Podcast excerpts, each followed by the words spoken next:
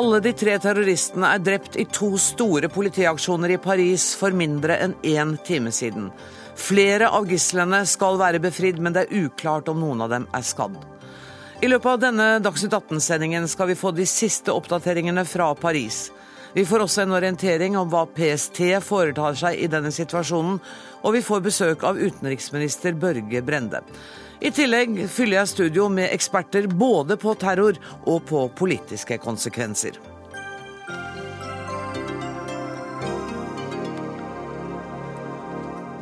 Dette blir altså saken i denne Dagsnytt 18-sendingen på en fredag. Og vi begynner med deg, Åse Marit Befring.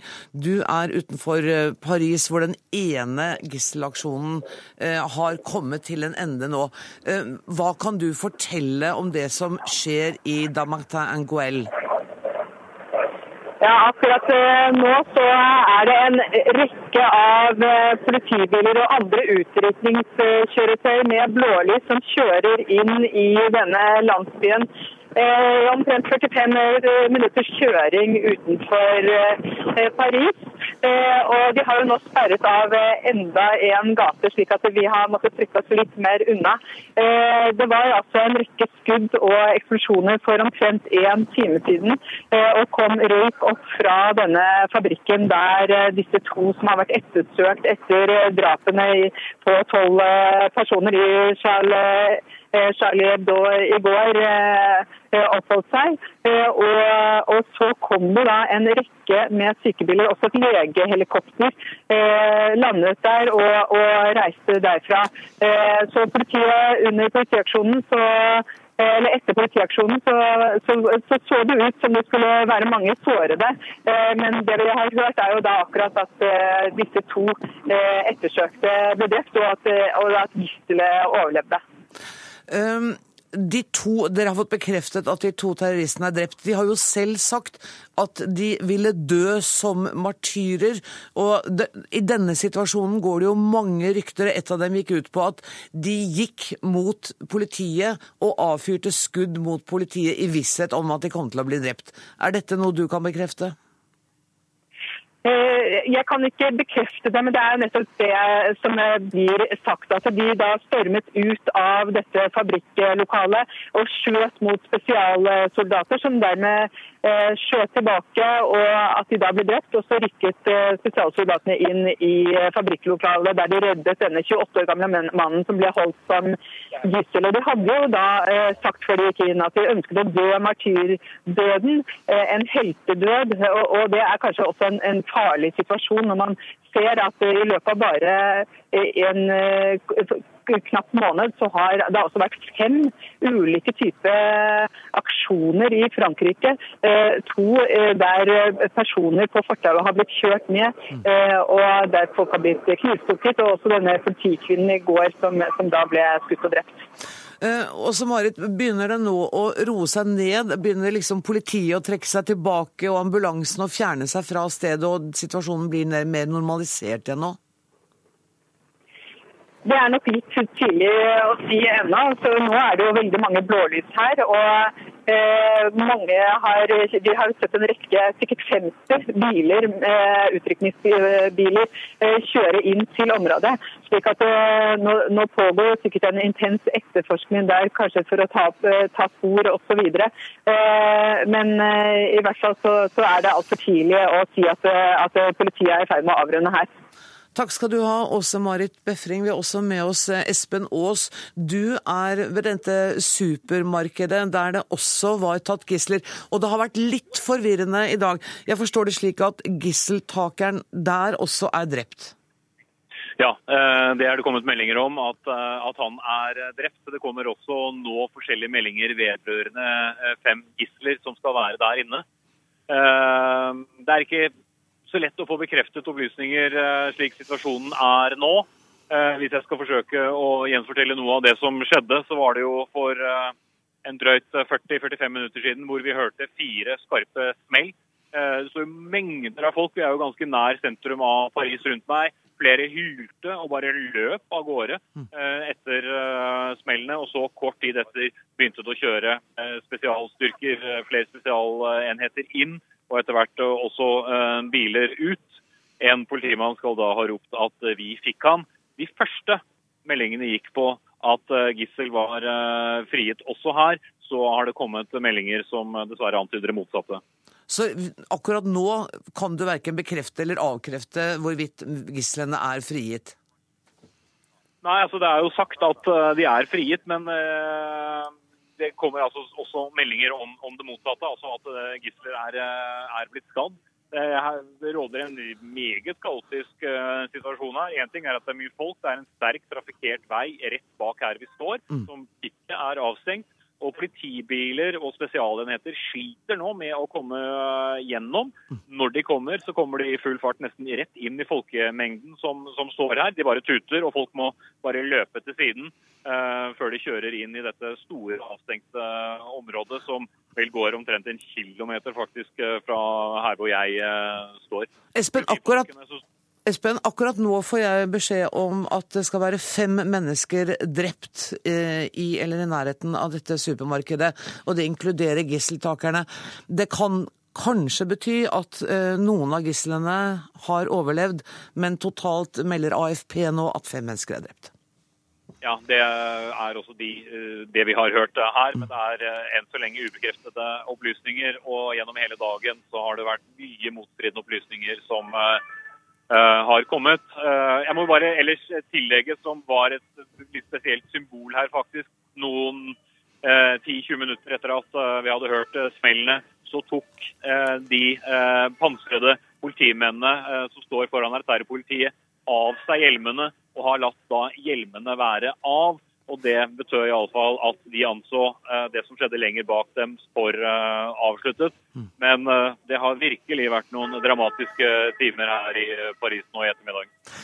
Da jeg så det på TV, så så det ut som dette også var en boligblokk med leiligheter over dette supermarkedet. Vet du om det har vært andre mennesker i bygningen mens gisselaksjonen har pågått? Så vidt jeg forstår, så har det vært det. Eh, det var bl.a. en kvinne eh, her ute som sa at eh, hun hadde bare fått beskjed om å fjerne seg, men sa at hun hadde barn til stede i det samme bygget som dette supermarkedet er.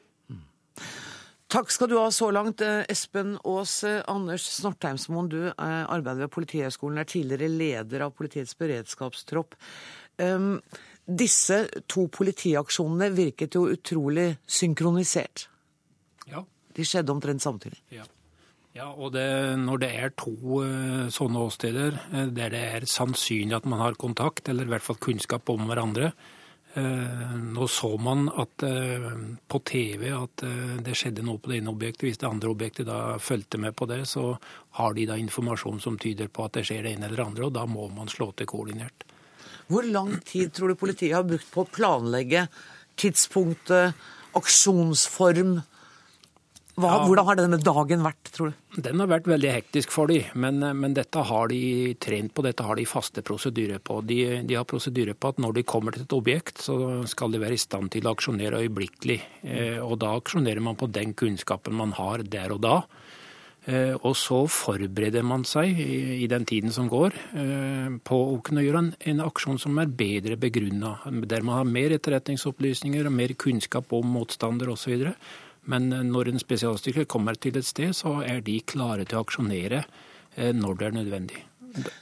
Vi skal snakke mer med deg, men akkurat nå har vi også fått med oss Eva Jolie på telefonen fra Paris.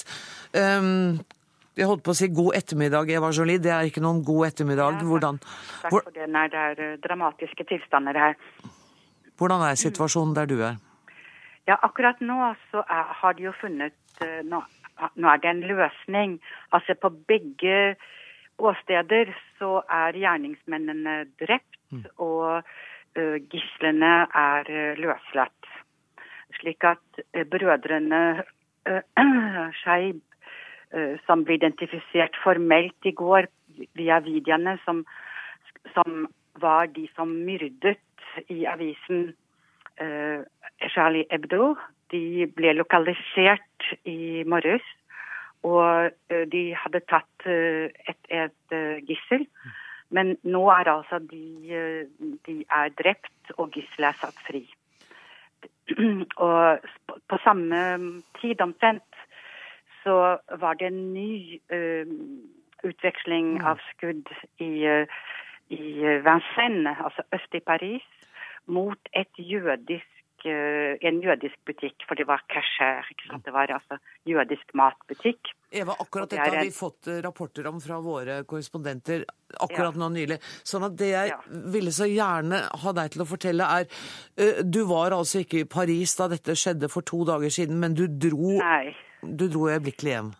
Ja, altså det, det, det, som er helt nytt for oss, sant, er at dette angrepet på en avis og på våre karikaturtegnere, som for, for alle franskmenn er veldig kjære. Mm. Uh, og de har, de har, fulgt oss siden 1968. ikke sant? De var veldig delaktige under 1968, og de har hatt uh, humoristiske aviser siden da og vært veldig, en veldig form for frekk og frigjørende humor. Mm. Og uh, det at de har akkurat, Det er ikke et blindt attentat, dette er mord. De gikk inn i bygningen og sa du er Sjarb, og så skjøt de, skjøt de. Du er Wolinski. Du er Kabu', Du er Tignus. Du er Bernard Maris. Og de ble skutt etter hvert. Og uh, det opplever vi som uh, virkelig mye verre enn et masseattentat, fordi det er virkelig friheten som, som står i sentrum. Det er uttrykksfriheten de dreper. Og hva som var eh, veldig viktig for meg når jeg fikk høre det, det var jo å reise inn til Paris og være sammen med uh, mine mennesker. Og være sammen med andre mennesker rundt åstedet, eller å samle oss. Og det gjorde vi. Det var et stort, stort møte på Place de la République. Og der var det tror jeg, en stemning som lignet litt på Oslo 22.07. Altså mennesker kom spontant med, med lys, med raketter med blomster. Mm. Og i går så var vi og la ned blomster uh, utenfor bygningen, og der var ikke sant, det er hundre Det er tusenvis av blomster og lys. Og, og, hittil så har alle talene gått ut på at vi må være forenet, vi må stå sammen, vi må ikke la oss skille. Fordi eh, det er et stort trykk på det franske samfunnet, som har 7% muslimer. Og mange lager et amalgam mellom eh, jihadistene og de ekstreme islamistene og muslimene. Og det er jo fryktelig, for det angår en stor del av vår befolkning, nesten fem millioner mennesker. Mm. Og det er klart at dette skaper en veldig spent situasjon, som vi alle er ansvarlige for. Og, uh, så det, jeg tror alle politiske ansvarlige har i dag en tale om å stå sammen og om å ikke gi etter for denne panikken. Mm. Eh, du skal ha takk for at du delte den, disse stemningene med oss. Jeg må bare spørre deg, på, på, søndag skal det være en stor marsj som heter ja. Republikkens marsj. Skal du delta i den også? Det er klart jeg skal. Det skal jeg, og det skal de fleste grønne. Men vi går der uten bannere eller uten noen altså Det er ikke en politisk demonstrasjon, det er en borgerdemonstrasjon. Og jeg ønsker at alle skal delta. Alle. Tusen takk skal du ha, Eva Jolie. Ja.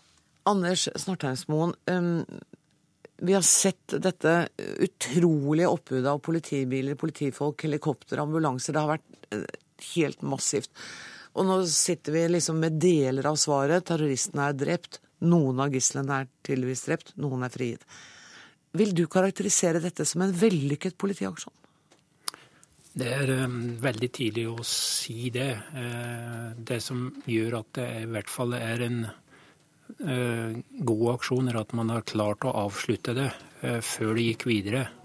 Men enhver aksjon der det går uskyldige liv, er, er tragiske. Men, men, det er utrolig krevende. Og ut ifra de eh, indikasjonene som kommer nå på at det har gått rimelig bra, så mm. er, er jeg på et faglig grunnlag vil karakterisere som en vellykka aksjon. Men det er som sagt veldig krevende. og eh, hvis resultatet er at det er flere eh, gisler som er døde, så, så er det veldig synd. En ting som slo meg da jeg satt og så på overføringen på NRK1, var at at det, det, var jo et gigantisk oppbud av politibiler og, og politifolk. Det, det, var liksom, det var ingen grenser. Er det helt nødvendig for å gjennomføre aksjonen, eller er det for like mye for å signalisere utad at vi er sterke? Nei, det er, det er, helt nødvendig. Mm. Eh, fordi at Innledningsvis så var det her en dynamisk situasjon, en mobil eh, situasjon som endte på to steder. Eh, og da, da, er det veldig krevende å kjøre en oppfølging på det. Eh, så det var helt nødvendig, og man skal være glad i Frankrike for at man har de ressursene å sette inn når, når det skjer. Mm. Det som er viktig å understreke, er at det ble gjort veldig mye godt arbeid underveis på etterretningssida, mm. koordineringssida. Man kjørte forsøk på forhandlinger, så man brukte hele apparatet. Eh, så Sånn sett så så det veldrevent ut. Men, eh, men, som sagt, tiden går, det er, eh, men det er veldig, veldig, krevende saker man her skal håndtere. Og det skal vi gå litt mer inn på. Politiet stilte altså alt tilgjengelig materiale til rådighet i jakten på de ettersøkte brødrene. Og plutselig så var det to uh, gisselaksjoner, og det er som uh, Snortheimsmoen sier, det var en dynamisk situasjon. Hva sier dette oss om den nye terroren? Jon Fitje Hoffmann, du er fagdirektør for strategisk analyse ved PST. Er det en helt annen form for terror vi ser nå? Ja, Det spørs jo hva en skal sammenligne med. Eh, men terror og terrorister prøver jo alltid å, å bruke et overraskelsesmoment og gjøre det som er uventa. Nettopp for at de skal lykkes. Eh, så det er veldig vanskelig å peke på veldig klare trender, veldig klare eh, hva skal si, framgangsmåter. Men det en har sett eh, de siste åra, er jo at det har vært flere små aksjoner, som er veldig få personer involvert. Kanskje lite planlegging, spontane aksjoner. Vi har også sett at uh, terrorgrupper Men dette har ikke vært spontane aksjoner, det vi har sett i Paris? Ikke, nei, dette nei. har nok vært planlagt, ja. definitivt. Men jeg har sett uh, tidligere aksjoner i, i, både i Frankrike og i andre land spontanaksjoner. Eh, og det er også det enkelte terrorgrupper har oppfordra sine tilhengere til å gjennomføre. Eh, ikke vent på ordre, ikke lag store planer, men bruk enkle midler. Og prøv å drepe så mange som mulig. Hvordan dere, Samarbeider dere på noen måte med søsterorganisasjonene i Frankrike? Eh, vi har et veldig tett og godt eh, samarbeid med en rekke eh, søstertjenester, inkludert eh, fransk tjeneste. Har du inntrykk av at de var forberedt på at noe sånt kunne skje? Jeg skal ikke, skal ikke, uttale meg i Jeg tenkte kanskje jeg hadde sagt noe til dere om det. ja, nei, det har jeg ikke, men, men selvsagt har jeg vært forberedt på det. Mm. En har hatt en alvorlig terroraksjon i Frankrike og i en rekke andre land, så opplagt har jeg vært forberedt på den måten at de visste at dette her har skjedd, og at dette kunne skje. Og sannsynligvis så vil vi se nye terroraksjoner i Europa også i tida framover. De to som gikk inn i satiremagasinet og skjøt tolv mennesker der, de var kjent av overvåkingspolitiet i Frankrike. De var kjent av politiet og hadde vært under overvåking. Sier det noe om hvor dyktige terroristene har blitt? Eh, ja, I hva grad eller hvordan de var kjent, eh, det, det kjenner jeg ikke til. Eh, men det jeg har bare lest det. Det er mulig ja, det ikke er sant engang. Nei, det, det, det, kan helt sikkert være sant. Men det, det er en rekke personer som kan bli kjent for sikkerhetstjenestene fordi de har en, en oppførsel, eller fordi de kommer med, med ytringer som er, som er truende. Mm. Det kan være andre indikasjoner som gjør det, men det er ganske mange. Det er ganske mange personer som som blir registrert hos uh, sikkerhetstjenestene. Og Det kan være ulike grader av alvorlighet eller ulike hva skal jeg si, bakgrunner for at det blir det. Så at disse personene her var kjent på en eller annen måte fra før av, er heller ikke overraskende. Du, Nå ligger det ute på nettet trusler mot i hvert fall to konkrete land, nemlig Norge og Danmark. Du er ja, kjent med det? Jeg er kjent med at uh, en har funnet en, en uh, informasjon på, på, internett som, uh, som indikerer det. dette er noe som vi selvsagt jobber med å avklare realiteten i. det er for tidlig å si noe mer om det, men, men det er noe som vi tar alvorlig, og som, som, vi jobber med å avklare. Er dette en trussel som er kommet nå nylig, f.eks. i løpet av dagen, eller har de ligget der lenge? Jeg er ikke kjent med om den har leder eh, lenge. Eh, jeg fikk informasjon om det her eh, i dag. Så det, det, er noe dere arbeider med nå. Men har dere satt i verk noen tiltak som gjelder Norge i forbindelse med de terroraksjonene vi nå har sett i Paris? Vi har starta et arbeid for å avklare om det er noen noe forbindelser mellom de personene som er involvert i terroraksjonen i Frankrike, og personer som kan befinne seg i Norge eller mot norske interesser. Og Så langt så har en ikke funnet noe verifiserbar sikker informasjon på at det er noe link. Anders Romerheim, gisseltakerne i den jødiske butikken eh, sa også at de ville drepe gislene hvis ikke politiet avsluttet aksjonen. Nå vet vi jo ikke jeg vet ikke om du, du kom inn i studio litt senere om du har hørt noe mer om det er Du hørte at det var noen drept av gislene, men ikke om alle var det. Det å fastslå faktum i eh, saker som dette her, det er det god journalistikk med kildeorientering som, eh, som må stå for, og politietterforskning for å få på en måte det endelige så bildet. Det, så det, det vet vi rett og slett ikke. Men virker det som om disse to terroraksjonene har vært godt synkronisert? Har de vært avtalt? Det er vanskelig å si, det også. Det er skrekkelig mye som er uklart eh, på det nåværende tidspunkt, og da må vi ta en del forbehold. Eh, vi har eh, eksempler fra terrorismens historie på at noen kaster seg inn i kjølvannet av andre. Det kan være timer eller dager etterpå, eller et par uker etterpå, som skjedde i London i 2005.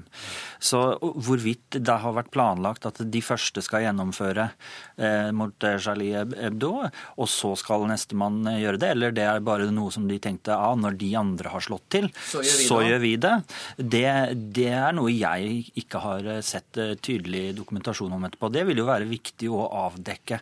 Og, og noe av det som eh, de fra politiet var inne på her, det med spontanreaksjoner kort planleggingstid. Det gir jo politiet automatisk kort tid til å oppdage at noen planlegger noe. Og, og da får du på en måte en, en tilpassa taktikk eh, fra terroristenes side for å unngå å bli oppdaget av myndighetene. Det begynner, og det blir de flinkere til? Terroristene altså? Det, det blir de. Og, og soloterrorisme og, og, mindre grupper er jo noen av trendene vi ser i internasjonal terrorisme, bl.a. for å unngå å bli oppdaga. Al Qaida har ifølge MI5 i Storbritannia eh, lovet, eller truet med flere store aksjoner i Vesten for å drepe flest mulig. Er, er det opplysninger som du også er kjent med? Det er ingen nyhet. Nei. Det har de ønska siden 1996 eh, i alle fall, da bin Laden begynte å utstede sine første fatwaer. Og det med trusler mot Norge, det er jo over ti år siden den nåværende lederen Ayman al-Sawahiri første gang nevnte Norge spesifikt. Så vi skal ikke være altfor skvettende for det. Så det at Norge er nevnt nå igjen i en ny trussel som ligger ute på internett i dag, trenger ikke gjøre at vi Det tror jeg man skal forholde seg litt ulikt til. Mm. Eh, hvis eh, Jon Fitje Hoffmann og hans kolleger tar lett på det, så vil det ikke være bra. Men inntil eh, Politiets sikkerhetstjeneste og de som har ansvar for rikets sikkerhet for øvrig, har satt seg inn i det, så er det ikke det at Norge nevnes i denne sammenheng, eh, egentlig noen nyhet. Hoffmann tar ikke lett på det, har han nettopp eh, fortalt oss. ja, det er godt. Kjersti Naru, eh, dette her er jo Altså, Vi snakker om det som en krigshandling, eh, og det er en dyp tragedie for de menneskene som er ofre her. Jeg vet at du har arbeidet med gisler. La oss forutsette at det er overlevende gisler her, eller det vet vi at det er, i hvert fall minst ett. Hvordan, hvordan må de gislene følges opp nå? Ja, det er jo det er jo sikkert individuelt, det. Eh, men det man vet eh, når noen blir tatt eh, som gisler i en slik situasjon som dette, så er det jo det som betyr noe, er den intensiteten, altså voldsomheten, som situasjonen innebærer for dem. Hvor truende er den? Og varigheten av den. Og så er det da hvordan den enkelte tolker det som skjer, og hvordan den enkeltes motstandskraft er i forhold til å, å være oppi det. Men dette er det jo personer som eh, kan ta hånd om de, snakke med de om, og hjelpe de igjennom. For de vil uansett være avhengige av å snakke med noen profesjonelle. De kan ikke gå hjem og ta seg en kaffe og det, Slik som disse aksjonene her er beskrevet, så skal de få profesjonell hjelp, og det får de, det får de også. Så de kan bli ivaretatt nå den første tiden, og så er det jo tiden etterpå som også blir ganske, ganske viktig. Og så vet vi, eller du vet i hvert fall litt om hvordan ting forandrer seg jo lenger man er i en gisselsituasjon. Ja. Den første situasjonen, når det oppstår, så blir man jo de fleste veldig lamslåtte, og det er veldig bra. For gisseltakerne er ofte veldig giret. Altså, det er veldig fort da det skjer noe. Mm. Så at man følelsesmessig når man blir tatt i gissel, blir helt slått ut som i en drøm eh, og ikke reagerer, det er en fordel for den enkelte. Og så blir man værende der. Og som gissel så er man helt avhengig av denne gisseltakeren. Altså det blir, det blir en slags gjensidighet i det. Gisseltakeren, du er avhengig av gisseltakeren for å overleve. Samtidig så er gisseltakeren avhengig av at gisselet skal være i live for å få igjen disse kravene. Uh, og Sånn sett så kan jo da gisselet tenke at gisseltakeren må klare dette, ellers så overlever ikke jeg. Så de får en slags felles forståelse av at de må klare seg mot de der ute. Uh, og det er, en, det er, den vanlige situasjonen, og da kan man se at gislene på et vis kommer på parti med gisseltakerne. Mm. Selv om, i hvert fall hvis uh, det gisseltakerne vil ha igjennom, er sånn rimelig forståelig. Og Nærmer vi oss da det som heter Stockholm-syndromet? Da nærmer vi oss det som heter Stockholm-syndromet. At du på en måte tar over det. Men så er det en situasjon som er uh, hvor på en måte dette Man må se litt bort ifra dette. Og det er når gisseltakerne sier at vi uh, kan gjerne dø for saken vår, altså selvmordsbomberne. Da har ikke gislene muligheten for denne alliansen for å overleve. og Da er du totalt prisgitt situasjonen, og det er det som høres ut som det er uh, skjedd her. da. Så det er en veldig dramatisk uh, situasjon for flere parter. De som er tatt til gisler, har, kan garantert fortelle om dette, de som har overlevd. Ja, for Det, er det jo helt åpenbart at gislene har jo heller ikke visst når politiet skulle gå til aksjon, eller på hvilken måte. Sånn at, hvordan, hvordan takler politiet det å møte de gislene når de kommer ut? Eh, de, de, de, møter gislene i etterkant, og de, de, er jo de første som håndterer de eh, under selve aksjonen. Og så blir de ivaretatt ut da, til eh, eventuelt ambulanse og helsepersonell. De blir da håndtert i den akuttfasen som som eh, enhver annen eh, aktør, altså nesten som en terrorist, fordi at man var 100% kontroll på dem. Ja. Eh, og, så, og, det er jo en opplevelse, og den opplevelsen gislene har når i det politiet går inn med de virkemidlene som man kan bruke, det er i seg selv en, en stor belastning. Eh, men eh, man, eh, man, tar vare på det etterpå. Man følger opp i, i, samråd med profesjonelle folk. Så er politiet en aktør for å, å lette den belastningen som gislene har fått. Men vil ikke politiet også på et tidspunkt ha behov for å avhøre også gislene? Ja, det er helt klart. Når skjer det da? i en sånn setting som det her, så, så, vil de nå bli tatt vare på helsemessig. Dette er en, er en avslutta eh, situasjon i nuet. Mm. Så her vil den, eh, den, enkeltes eh, behov for helsemessig oppfølging bli prioritert først. Og så vil avhørssituasjonen og den etterforskningsmessige biten komme da i, i samråd med helsepersonell eller leges anbefaling på om, om gisselet er i stand til å, å utføre det eller ikke. Så her er det et, et lagspill.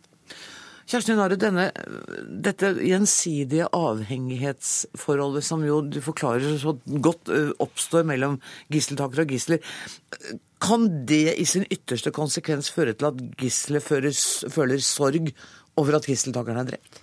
Det kan det, hvis de har vært lenge nok i samme tilspissede situasjon. Mm snakket om hverandre, familie, barn, situasjoner. altså Det blir som en slags veldig snål, men allikevel en sosial situasjon hvor du faktisk kommer utrolig tett innpå hverandre. Og En del gisseltakere har jo, for å unngå å oppnå denne kontakten etter hvert med sine gisler, begynt å dekke seg til, eller dekke til gislene, så ikke du skal få denne gjensidigheten og sympatien. For gisseltaker får også, når det går noe tid i vanlige situasjoner, sympati for gislene sine. Og det ønsker de jo ikke, for de skal jo bruke gislene som pressmiddel for sin sak. Vet vi noe om det i denne situasjonen, om eh, gisseltakerne har dekket seg eller gislene til? Nei, det har jeg ingen kunnskap om nå. Også må, jeg må spørre deg litt om åstedet, også dette trykkeriet og denne, dette lille supermarkedet. Hva slags etterforskning vil pågå der nå? Nå, nå vil det være teknisk etterforskning som pågår. Sporsikring, eh, avfotografering, eh, registrering av alle mulige spor eh, på stedet for, som kan dokumentere den aktiviteten som har foregått før under og etter eh, aksjonen, sånn at man eh, skaper seg et helhetsbilde, så at man kan dokumentere hvorfor man gjorde hva, og hva som var årsaken til osv. Romain? Ja, dette med tidsperspektiv i gisseltakinger eh, og den dynamikken som eh, utvikler seg der, er uhyre interessant. Og der syns jeg denne aksjonen eh, kommer med en, en liten ny vri som, som, jeg er litt interessert i å se nærmere på. For det, det normale i en gisselsituasjon, det er jo at man ønsker at tida skal gå. For det da utvikler disse mellommenneskelige båndene seg. Forhandler får tid til å, til å snakke.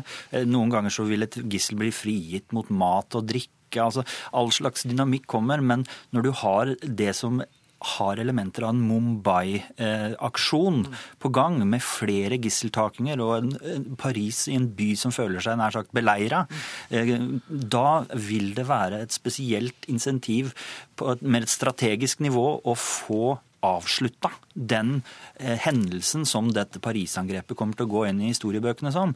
Så det med multiple gusselsituasjoner samtidig. Gjør Kanskje det er en ny Ja, det, jeg tror det kommer inn en ny dynamikk der som ja. ikke har sett i så mange andre eh, terroraksjoner tidligere. Så det er noe å studere i fortsettelsen. Mm. Og, og foreløpig, jeg har sagt det flere ganger, foreløpig er det mange rykter, og vi vet ikke helt, men vi tror vel at det ble satt i gang forsøk, i hvert fall på forhandlinger, på et tidligere tidspunkt i dag, gjør vi ikke det? Ja, ut ifra de opplysningene som kommer, så pågikk det forhandlinger eh, på fabrikkbygget. Der mm. pågikk det forhandlinger. Mm. Uh, ukjent for meg om det ble innledet forhandlinger på kjøpesenteret.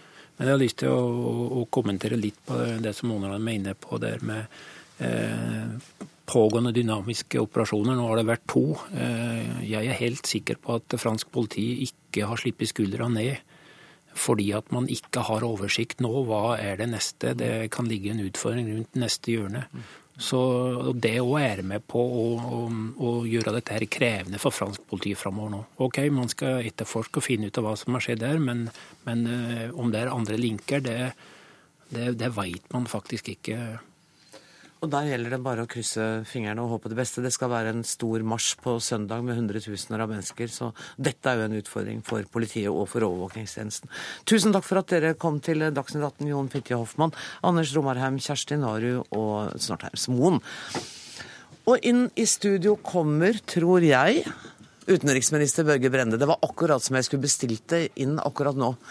Um, Utenriksminister, jeg holdt på å si kondolerer til deg også. Dette er en utrolig trist dag, men gisselaksjonen er altså brakt til en ende.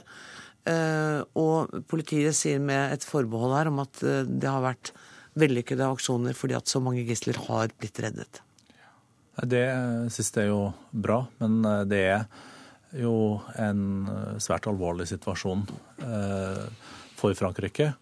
Og den eh, solidariteten som de har mottatt, tror jeg har varma. Jeg snakka med den franske utenriksministeren Fabius, ja.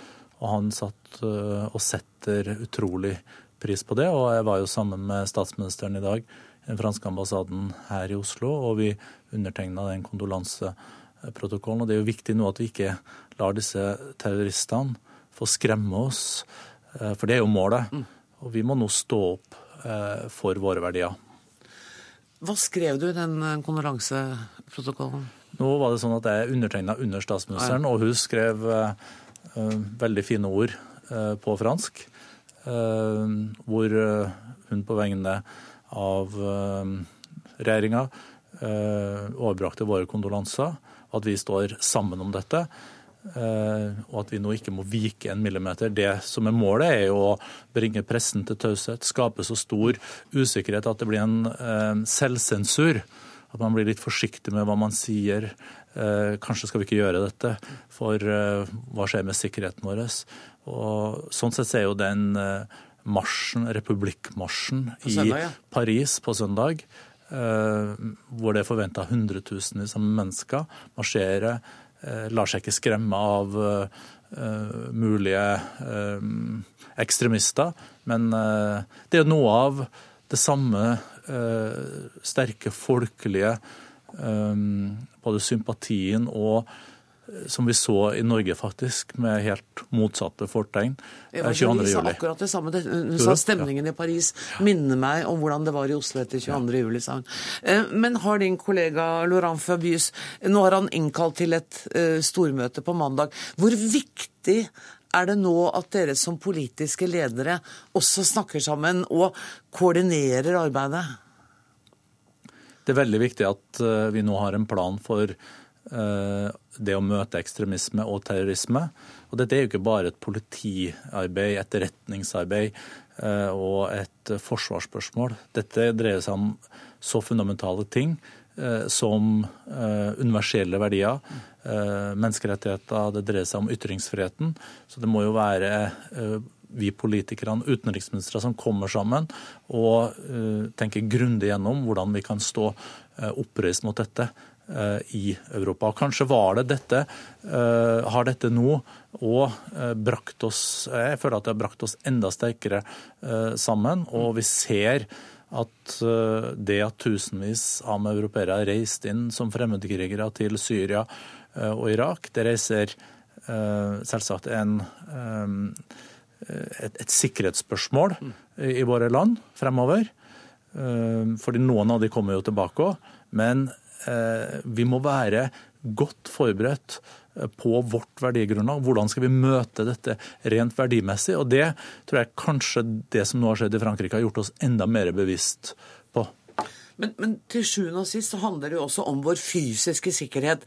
Eh, og jeg vet ikke hvor, eh, om du fikk med deg at eh, på nettet nå så ligger det igjen trusler om, eh, som er rettet mot Norge og Danmark spesifikt. PST sier at dette tar de på alvor, og de eh, etterforsker det. Hvor bekymra er du? Jeg er glad for at PST tar det på alvor. Eh, man har vært kjent med dette i noen timer, og de gjør en god jobb på det her. Eh, det er mange nettsteder. Mm. Nå må vi finne ut om eh, hva som ligger bak, hvor alvorlig er det her. Men vi vet jo fra i sommer, da vi midt i fellesferien måtte øke beredskapsnivået i Norge, at vi er forberedt på den type trusler. Men vi må òg ikke la oss skremme. Det kan lett bli sånn massesuggesjon nå. Og det er målet til disse eh, terroristene. Eh, jeg føler nå at, og det var iallfall det utenriksminister Fabius sa til meg eh, på telefon, at den varmen som han og de kondolansene, solidariteten som de har mottatt, det har gjort at de faktisk har vært bedre i stand til å både tenke klart og gjennomføre det som er nødvendig.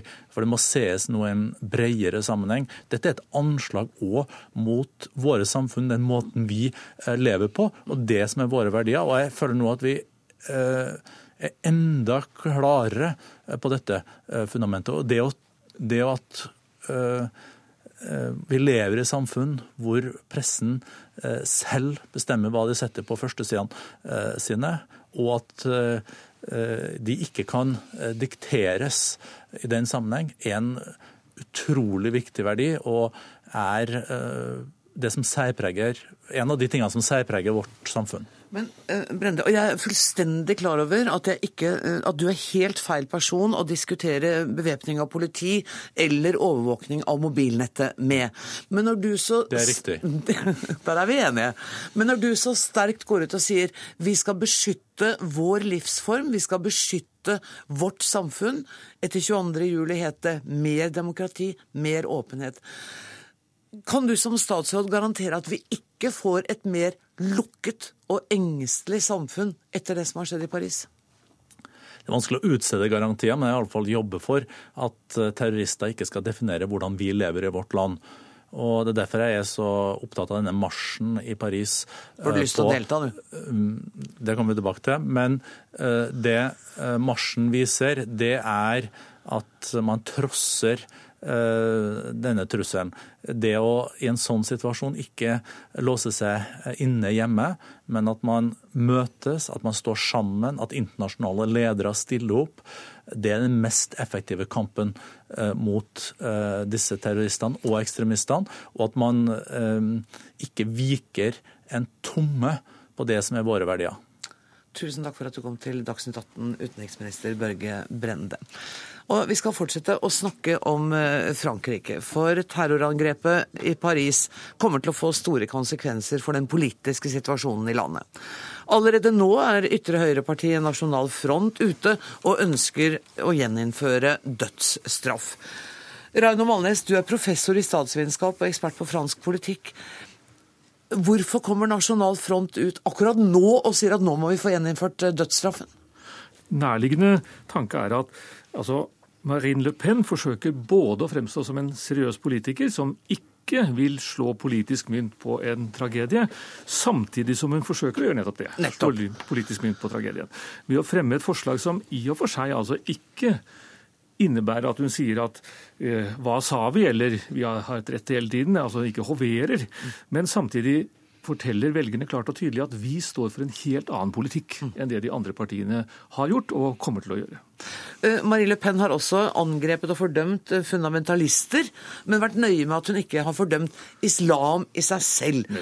Eh, Hvordan skal vi tolke det? Veldig, altså, hvis vi sammenligner hennes reaksjon på denne tragedien med hennes reaksjon på en tragedie fra 2012, da en ung mann tok livet av flere barn og, og politifolk, da sa hun hvor mange slike skjuler det seg i hver eneste eh, båtlass med innvandrere. Altså en retorikk av et helt annet slag enn den hun har eh, ført nå. Hun har hatt som mål å gjøre Nasjonal Front til et stuerent parti. Et parti som kan være en alminnelig del av det republikanske fellesskapet, samtidig som hun ikke må forlate partiets tradisjonelle standpunkter. Et parti som har standpunkter som er veldig langt unna alle de andre partiene i svært mange saker. Men har hun lykkes med å gjøre det stuerent, syns du?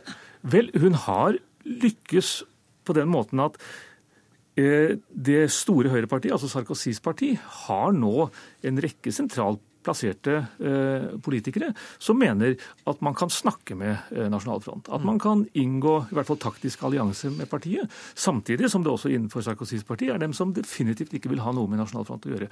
Hun har lykkes å gjøre et, skal vi si eh, å, bygge ned den mentale barrieren mot samarbeid med Nasjonal Front, i alle fall innenfor UMP, altså eh, det partiet som Sarkozy nå leder. Katarina Jacobsen, du er tidligere korrespondent i, i eh, Frankrike. Du har bodd der, du kjenner Frankrike godt. Eh, Hvilket grunnlag er det Marie Le Pen bygger på i å bygge opp denne politikken sin? Hva er, hvor er grunnlaget hennes? Um, nei, det grunnlaget er jo egentlig ganske stort. Um, jeg tror det som er viktig nå, er å uh, se litt på at uh, virkelighetsforståelsen i ikke bare i Frankrike, men i store deler av Europa, er veldig forskjellig i forskjellige grupperinger som lever veldig forskjellige liv. Uh, jeg var selv i Courneuve, som var en av de eh, såkalte varme forstedene utenfor Paris eh, for 20 år siden, faktisk. I 1995, og snakket da med flere unge menn som aldri hadde hatt en jobb i sitt liv, og som sa til meg 'c'est la guerre', det er krig. Eh, og allerede sendt på, på 70-tallet så gikk jo eh, ungkommunistene inn for å gå inn med bulldosere og meie ned alle disse forferdelige bygningene. Det er jo en virkelig getto. Det, det er gettoer, Det er en altså? forferdelig getto. Det er skummelt uh, å gå inn der. Uh, Politiet tør jo nesten ikke å dra inn der. Uh, og tanken bak det, det vakte jo veldig oppsikt og, og fikk veldig mange negative reaksjoner. Men, tanken deres var jo at man måtte gjøre, gjøre noe for å integrere innvandrerungdommen i, i Frankrike. Og siden har det jo vært en god del ministre sånn som har forsøkt dette her, men, men eh, faktum er jo at det Vi snakker om en stor gruppe mennesker som aldri drar inn til sentrum av Paris, som aldri har gått på Champs-Élysées, ikke sant? Som lever Som helt bor rett utenfor Som bor rett utenfor der, og som lever helt forskjellige liv. Og så tror jeg det er veldig viktig, eh, og nå ser jeg ikke dette her for å unnskylde, bare, Nei, nei. samtidig så er det også et faktum at uh, eh, man har da en stor gruppe nå. Det er egentlig en veldig kamp om Frankrikes eh, identitet nå. Da jeg var der nede i Paris i oktober, så ble jeg litt overrasket over å se at på de store fjernsynsdebattene eh, så satt alle sammen og snakket om at eh, man var så deprimert i Frankrike for tiden, og det har man vært ganske lenge. Og da satt de og hadde begynt å debattere liberté, égalité, fraternité igjen. Altså det har på en måte startet helt på nytt for å prøve å finne fram til hvem de er i dag. Og det er en strid eh, som står nå. Og det er mange etniske franskmenn som er veldig redde for den situasjonen. Eh, og det er en kamp eh, på høyre- og venstresiden. Det er interessant, syns jeg, at Michel Olbeck, som da har kommet med en bok som heter 'Soumission', nå for to dager siden, Han har jo en tese om at Frankrike kommer til å bli tatt over av muslimer. Og på den andre siden så har man en veldig viktig fransk filosof og forfatter som heter Michel Onfray. Som har vært opptatt av ateisme. Altså dette med at Frankrike er sekulært, er jo veldig viktig i denne debatten. Eh, begge de to, eh, som, og Michel Onfray han er da langt ute på venstresiden, eh, begge de to sier nå at Europa er dødt. Europa er dødt. Altså Mener de da ideologisk, eller hva, mener de? Ideen om Europa med, med friheten, med mm. ideene fra opplysningstiden, ikke sant? Med, med sekularismen, den er død. Mm. Månes, dette hører, eh, høres trist ut. Altså denne depresjonen som Katarina Jacobsen eh, forteller om, den må jo da ha, ha lange tråder bakover i tid? Ja, men nå er, Frankrike er i likhet med mange andre land i Europa inne i en dyp økonomisk krise. En viktig grunn til at oppslutningen om nasjonal front er blitt så stor som den er, er den økonomiske krisen, og det at Nasjonal Front er et av de få partiene som aldri har behøvd å ta ansvar, og aldri vist hvor vanskelig det er å få til noe, og som kan love gull og grønne skoger ved hjelp av enkle virkemidler, f.eks. ut av euroen eller noe sånt. Så Nasjonal Front er et parti som har tjent på å stå utenfor, og som har bidratt til en, å forgifte det politiske klimaet i Frankrike. Det må være lov å si. Men det er også samtidig altså i dag en oppslutning som er betydelig. Ved europaparlamentsvalget i fjor så fikk de 25 av de avgitte stemmene. Riktignok er det ikke så mange som stemmer som et sånt valg, men, men det er da tross alt mer enn halvparten av befolkningen. Og Det betyr at her har vi et parti som altså gjennom tiår er blitt plassert i den samme rollen som Sverigedemokraterna har i Sverige nå, nemlig et parti som man overhodet ikke forholder seg til, men som samtidig altså har uh, opptil en fjerdedel av eh, befolkningen bak seg i valg. Og det er jo et lite dilemma. Nå er det en kattepine, fordi mm. den store demonstrasjonen som nå, eller markeringen skal finne sted til helgen Nettopp var det den jeg skulle komme til, ja. Der er altså alle, eller Først ble Marine Le Pen mottatt i Élysée-palasset, mm. på linje med andre partiledere. Og det var greit nok. Og det var for så vidt å Eh, gå et skritt lenger enn eh, noen sosialist tidligere har villet gjøre. Men hun blir ikke invitert. Hun får ikke telefon fra statsministeren og blir ikke invitert om å være med i demonstrasjonen. Alle kan være med, mm. men, men hun blir ikke invitert. Så, og det er ingen det har vært et vanskelig avgjørelse å ta. For tross alt er dette en demonstrasjon som skal vise at samfunnet står samlet. Frankrike står samlet bak øh, øh, det er en ære som nå skal vises ofrene for denne udåden, og samtidig så inviterer man ikke lederen for et parti som har en betydelig andel av velgerne bak seg. Men hvis man hadde gjort det, hvis man hadde gått så langt som til å invitere henne med, så ville man også tatt et veldig langt skritt i retning av å si at dette er et alminnelig parti. De har standpunkter som er på tvers av og ligger langt bortenfor alle andre politiske eh, standpunkter som er, så å si, går og gjelder i Frankrike. Men det er et parti som alle andre. Mm. Det skrittet vil iallfall sosialistene veldig, ha veldig sterke motforestillinger motforestillinger mot å ta. Mm. Katarina Jacobsen, det som har skjedd nå, eh, det har jo fått Frankrike til å riste i grunnvollene, virkelig. Men kan, kan det komme noe positivt ut av det? Nå, nå, venter man jo mange hundre tusen i denne republikkmarsjen på søndag. Og man snakker om en stemning nå som ligner på vår reaksjon etter 22. juli. Er det noe lys i denne tunnelen her? Det må vi jo inderlig håpe. Eh, men, eh, og alle oppfordrer jo eh, alle til å stå sammen. Og det mm. tror jeg sikkert man kommer til å gjøre nå. Men det er jo også noe med at vi sitter og diskuterer dette her, og så snakker vi om ytringsfrihet, som er selvfølgelig ekstremt viktig, og frihet. Men så, når sånne situasjoner som dette oppstår, så snakker vi jo sjelden om den store geopolitiske situasjonen som tross alt gjør at Vesten har drevet en global krig mot muslimer helt siden eh, tvillingtårnene. Eh, og jeg tror at eh, virkeligheten eh, ses da på en helt annen måte, mm. også via media, ikke sant, for de som er muslimer i disse landene. Og, og vi, vi, er nødt til å ta den debatten. Og jeg tror at den samme Michel Offray han mener jo f.eks. at nettopp det at man holder, Frank, holder Le Pen, Marine Le Pen og, og, og, det partiet utenfor det gode selskap, det er på en måte også til hinder for å diskutere sak. Uh, og Det tror jeg er litt viktig. og det ser man veldig mange, Jeg syns det var interessant å se Merkel som, som gikk i rette nå også med, med demonstrasjonene der nede, og, og, karakteriserer de som går der for å være mennesker med, med hat i hjertet og kalde hjerter og sånn. Uh, vi, vi, er nødt til tror jeg, å begynne å snakke saklig om hva som egentlig er kjernen her. Og, og det er også andre ting enn bare vår rett til å skrive og mene det vi vil. Tusen takk for at dere kom, Raino Malnes og Katarina Jacobsen. Eh, vi snakket så vidt om eh, den franske forfatteren Michelle Michel Houellebecq. Jeg vet ikke om jeg kan uttale navnet riktig. Men han har i hvert fall skapt kontroverser, og i hans siste roman, som Katarina Jacobsen refererte til, 'Submission', der beskriver han et samfunn hvor islam har overtatt. Thomas Lundboe, du har oversatt fire av romanene? Fire av romanene, ja. De fire siste som er kommet på norsk. Ja, eh, og du er en av de få nordmennene som har lest 'Submission'. Den har allerede møtt mye kritikk. Jeg så i Klassekampen i dag, Eva Jolie sa at uh, denne mannen bidrar til uh, et muslimhat. Hva er din reaksjon på Elbeck? Uh, på den boka. Ja. Altså, jeg, jeg, leste den jo før jeg visste hva den handla om. Uh, og de, de, første 50 sidene handler om noe helt annet. De handler om, om en universitetsansatts forhold til til dekadensforfatteren eh, Carl Joris Huismans.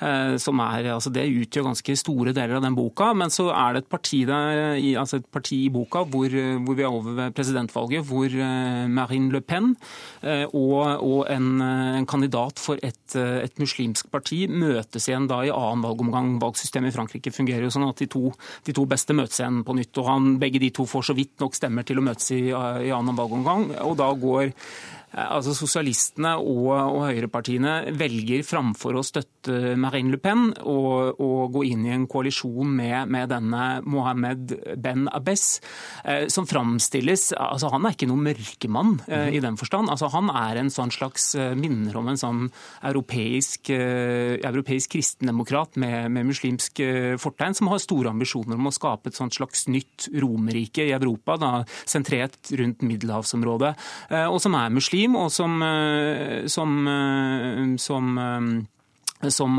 tilhører et parti som, som, heter Muslimsk eh, brorskap, eller noe sånt. Altså, dette er et fiktivt parti, og det har ingenting med muslimbrødrene som vi kjenner dem fra Egypt å gjøre. Men som, altså, dette, er, dette, er, på en måte et parti som, som er innenfor de demokratiske spillereglene og, og alt sånt. Altså, det er et vanlig parti som da, eh, siden Frankrike har en såpass stor muslimsk befolkning, får nok støtte. For det har også Warbeck nevnt i et intervju at altså, som en, en muslim, altså som en sånn helt normal muslim, da, i den grad altså, hva, var det, liksom? Hva er en normal kristen? Ja, hva er en normal ateist? Ja. Uh, altså, som, som, som, muslim, for, for, hvem da eh, muslimske verdier betyr noe, så er det jo ikke lett å, å velge side. Fordi altså, de, som Holbeck sier i det intervjuet, er jo primært opptatt av det vi av det vi kaller verdispørsmål. Og For dem er det vanskelig å stemme på sosialismen, og enda vanskeligere å stemme til på Høyre, for de jo, vil jo ha dem ut, en del av dem.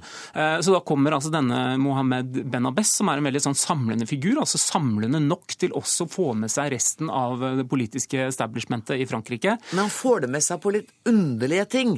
Altså Kvinnene går ut av arbeidslivet, begynner å gå ut ja. Jeg har jo ikke lest, jeg har jo bare lest referater. Ja, og det skjer. Det skjer og der, der, altså, dette, er ikke noe, dette er ikke en viktig del av romanen. men, okay. det, det, nevnes jo at det skjer, men, men det nesten, skjer nesten sånn i en bisetning. altså På to sider så er det altså det er først et lite parti, og det var da det gikk en liten sånn støkk med hva er det han holder på med nå, liksom, hvor, hvor, hvor, det, hvor det, minner om noe litt sånn borgerkrigslignende tilstander i, i Frankrike mellom mellom det som kalles, eh, de som støtter det som kalles eh, moment identitær, identitetsbevegelsen, pleier man å kalle det i Norge. altså sånn Regionalistisk, nasjonalistisk orienterte folk som vil ha Frankrike ut av EU, og som mener innvandringen og, og, og sånn har gått for, for langt. Men, men, men, men, så, jo, det var det jeg skulle si. altså Så etter det da, så, så gjennomføres jo eh, Mohammed, Mohammed, Ben Abbes sitt program.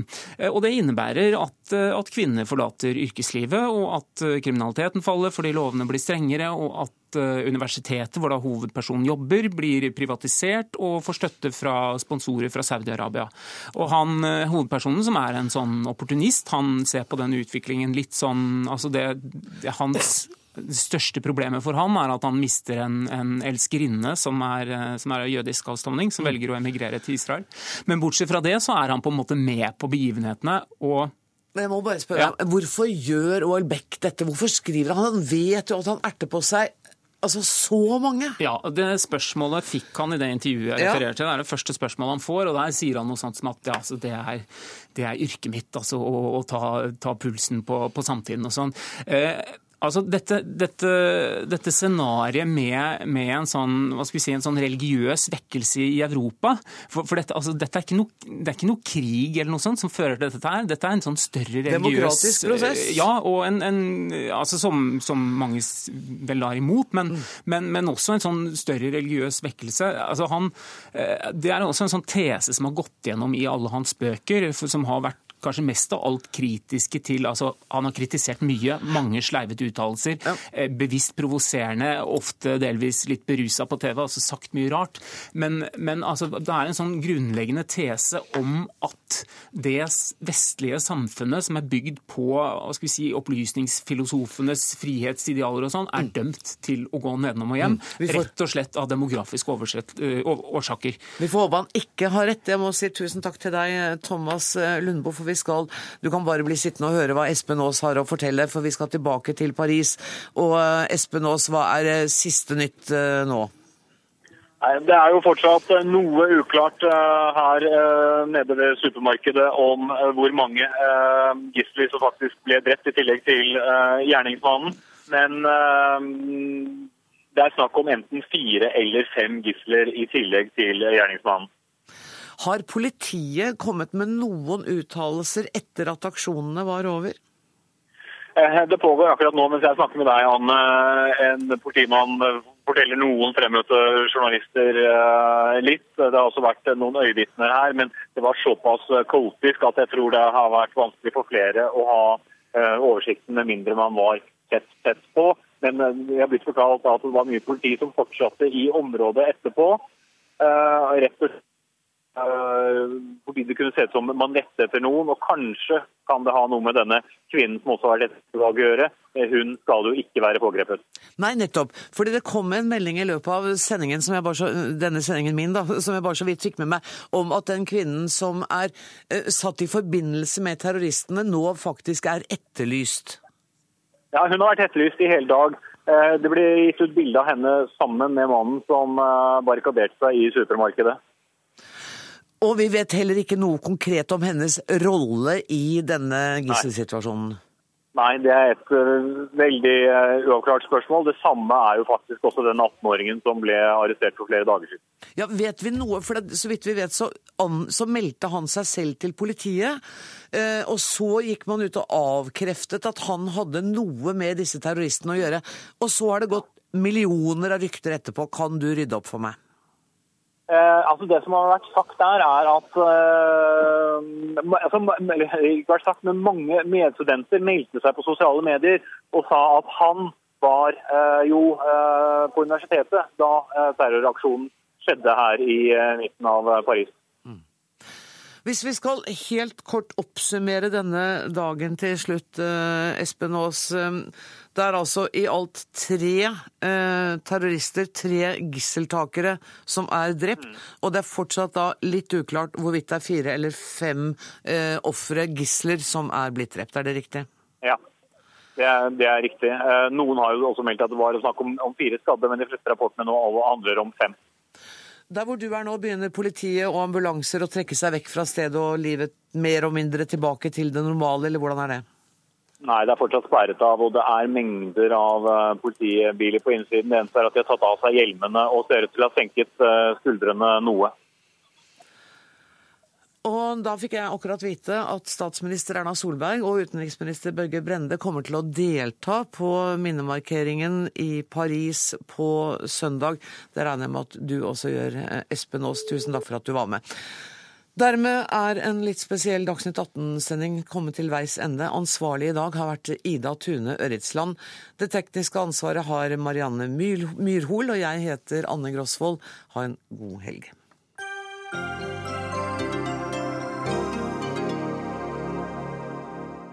Hør flere podkaster på nrk.no podkast.